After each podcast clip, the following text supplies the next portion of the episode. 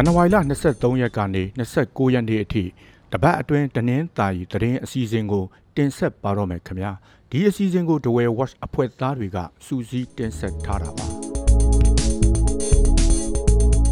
လောင်းလုံးမြို့နယ်ထဲက NAM CDM ဝန်ထမ်းတွေ9ရက်အတွင်းအလုပ်ထွက်ကြဖို့ပြည်သူ့ကာကွယ်ရေးအဖွဲ့ကထုတ်ပြန်လိုက်ပါတယ်အာနာဖီဆန်ရေးလှုပ်ရှားမှုမှာမပါဝင်တဲ့ NAM CDM ဝန်ထမ်းတွေအလုပ်ထွက်ကြဖို့ လောင်းလုံးမြို့နယ်ပြည်သူ့ကာကွယ်ရေးအဖွဲ့ကဇန်နဝါရီလ28ရက်နေ့မှာထုတ်ပြန်ထားတာပါ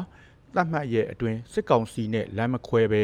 NAM CDM ဆက်လုပ်နေမယ်ဆိုရင် နောက်ဆက်တွဲစိုးကျိုးတွေခံစားရမယ်လို့ထုတ်ပြန်ချက်ကဆိုပါတယ်။ NAM CDM ဝန်ထမ်းတွေဟာစစ်ကောင်စီရဲ့အုပ်ချုပ်ရေးရန်တရားလဲပတ်စေဖို့အဓိကတောက်တိုင်တွေဖြစ်ပြီးပြည်သူတွေကိုဒုက္ခဆင်းရဲအမျိုးမျိုးကြုံတွေ့စေဖို့လှုံ့ဆော်နေသူတွေဖြစ်တယ်လို့ထုတ်ပြန်ချက်မှာဖော်ပြထားပါတယ်။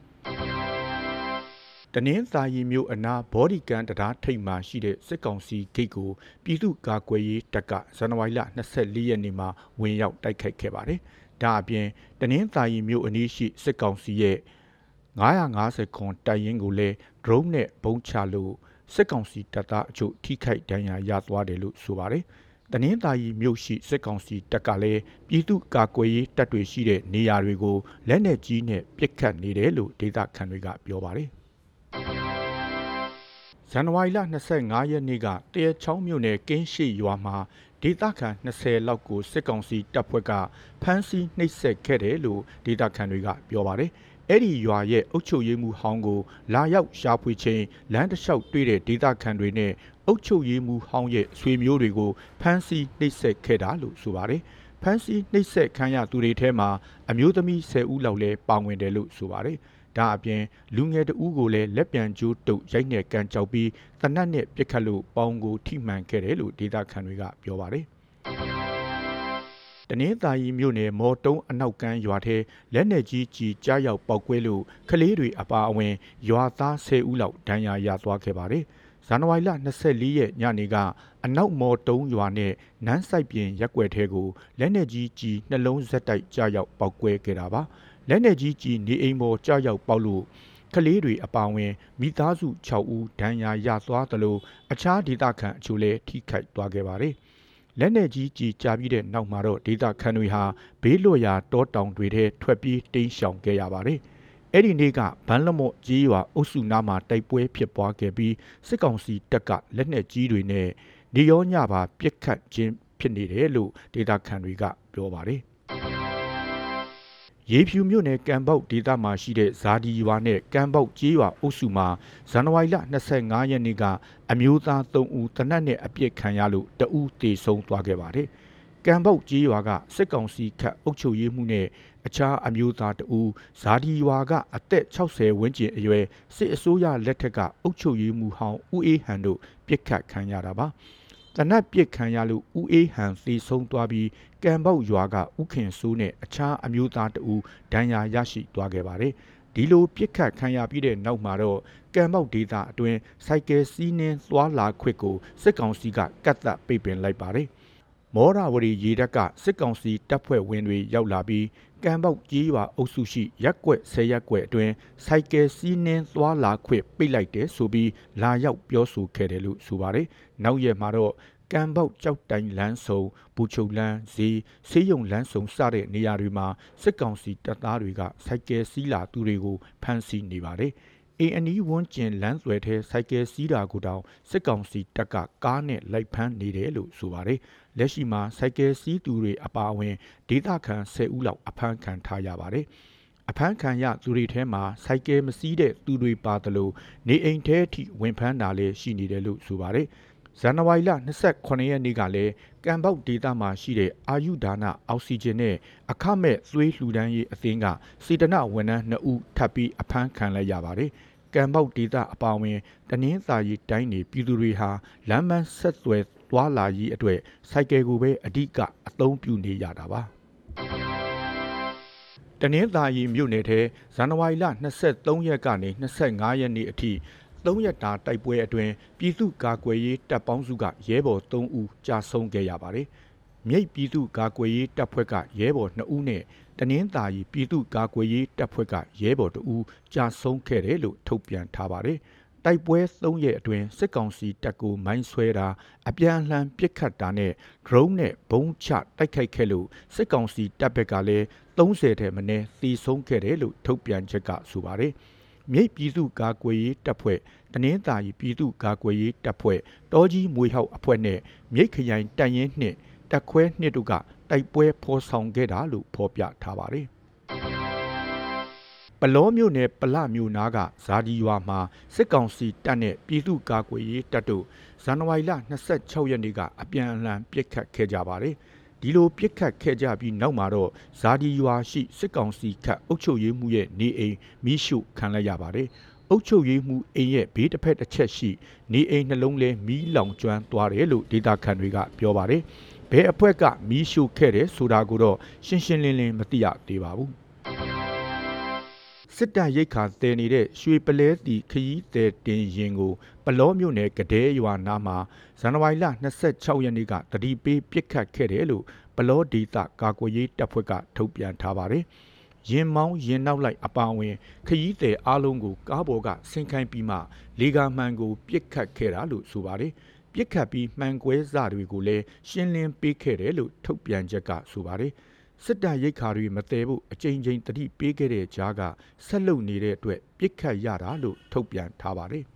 ရင်လိုင်းကိုအပြင်းထန်တတိပေးတဲ့အနေနဲ့ပြစ်ခတ်တာဖြစ်ပြီးခရီးသည်တွေစိတ်အနှောက်အယှက်ဖြစ်ရတဲ့အတွက်အနုအညွတ်တောင်းပန်တယ်လို့လည်းထုတ်ပြန်ချက်ကဆိုပါတယ်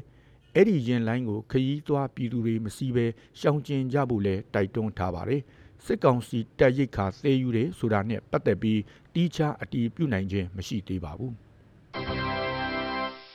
တနင်္သာရီမြို့နယ်မှာတိုက်ပွဲတွေဆက်လက်ဖြစ်ပွားနေလို့ပြည်ထောင်စုလမ်းပေါ်မှာညဘက်မသွားလာဖို့မြို့နယ်ပြည်သူ့ကာကွယ်ရေးအဖွဲ့ကဇန်နဝါရီလ25ရက်နေ့ကထုတ်ပြန်လိုက်ပါတယ်။အဲ့ဒီမြို့နယ်မှာဇန်နဝါရီလ23ရက်ကနေ3ရက်ဆက်တိုက်တိုက်ပွဲဖြစ်ပွားနေတာပါ။ ဒါကြောင့်မို့ပြည်ထောင်စုလမ်းပေါ်မှာည9နာရီကနေမနေ့9နာရီအထိမသွားလာကြဖို့ထုတ်ပြန်ထားပါတယ်။ဒါအပြင်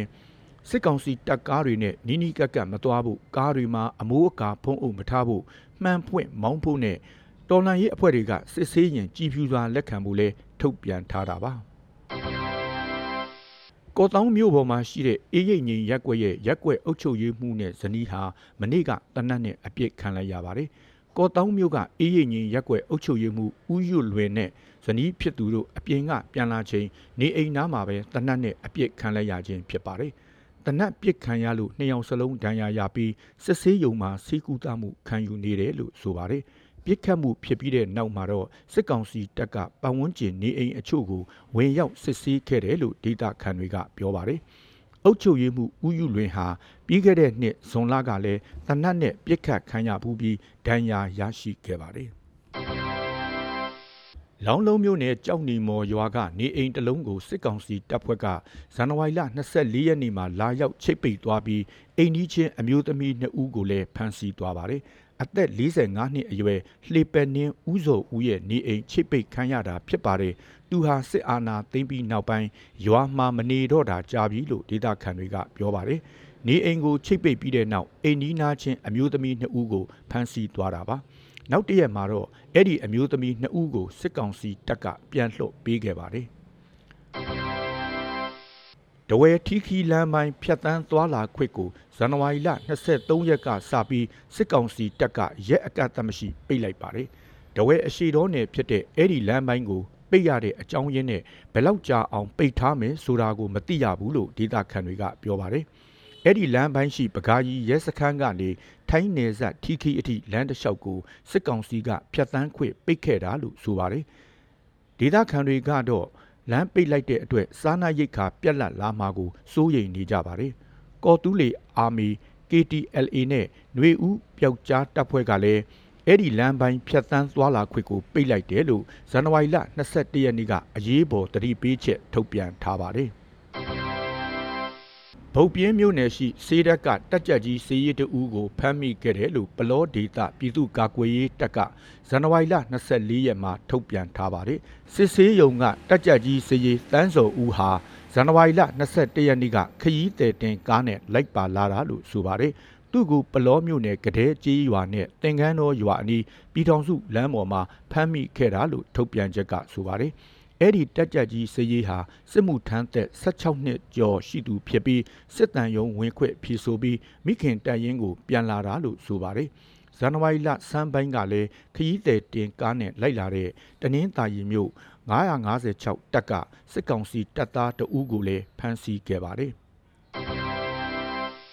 ရေဖြူမြို့နယ်ကလိန်အောင်မြို့နယ်စစ်တပ်ပိုင်းမြဝတီသတင်းစာတပ်ရဲ့သတင်းထောက်တအူးဇန်နဝါရီလ24ရက်နေ့ကပြစ်သက်ခံလိုက်ရပါတယ်။ ကလိန်အောင်မြို့အမှတ်3ရပ်ကွက်မှာနေထိုင်တဲ့လူလာပိုင်းအရွယ်ကိုလင်းလင်းထွန်းပြစ်သက်ခံရတာပါ။သူ့ကိုကလိန်အောင်မြို့အခြေဆိုင် Spring ဓမ္မ PDF KLA တဝဲခရိုင်ပြည်သူ့ကာကွယ်ရေးတပ်ဦးနဲ့ပူးပေါင်းအဖွဲ့ကပြစ်ခတ်ခဲ့တာလို့ထုတ်ပြန်ထားပါတယ်။သူဟာမြဝတီသတင်းစာမှာကုတ်နံပါတ်412နဲ့ဖော်ပြရေးသားနေတာဖြစ်ပြီးနေရာမှာပဲပွဲချင်းပြီးတည်ဆုံသွားပါတယ်။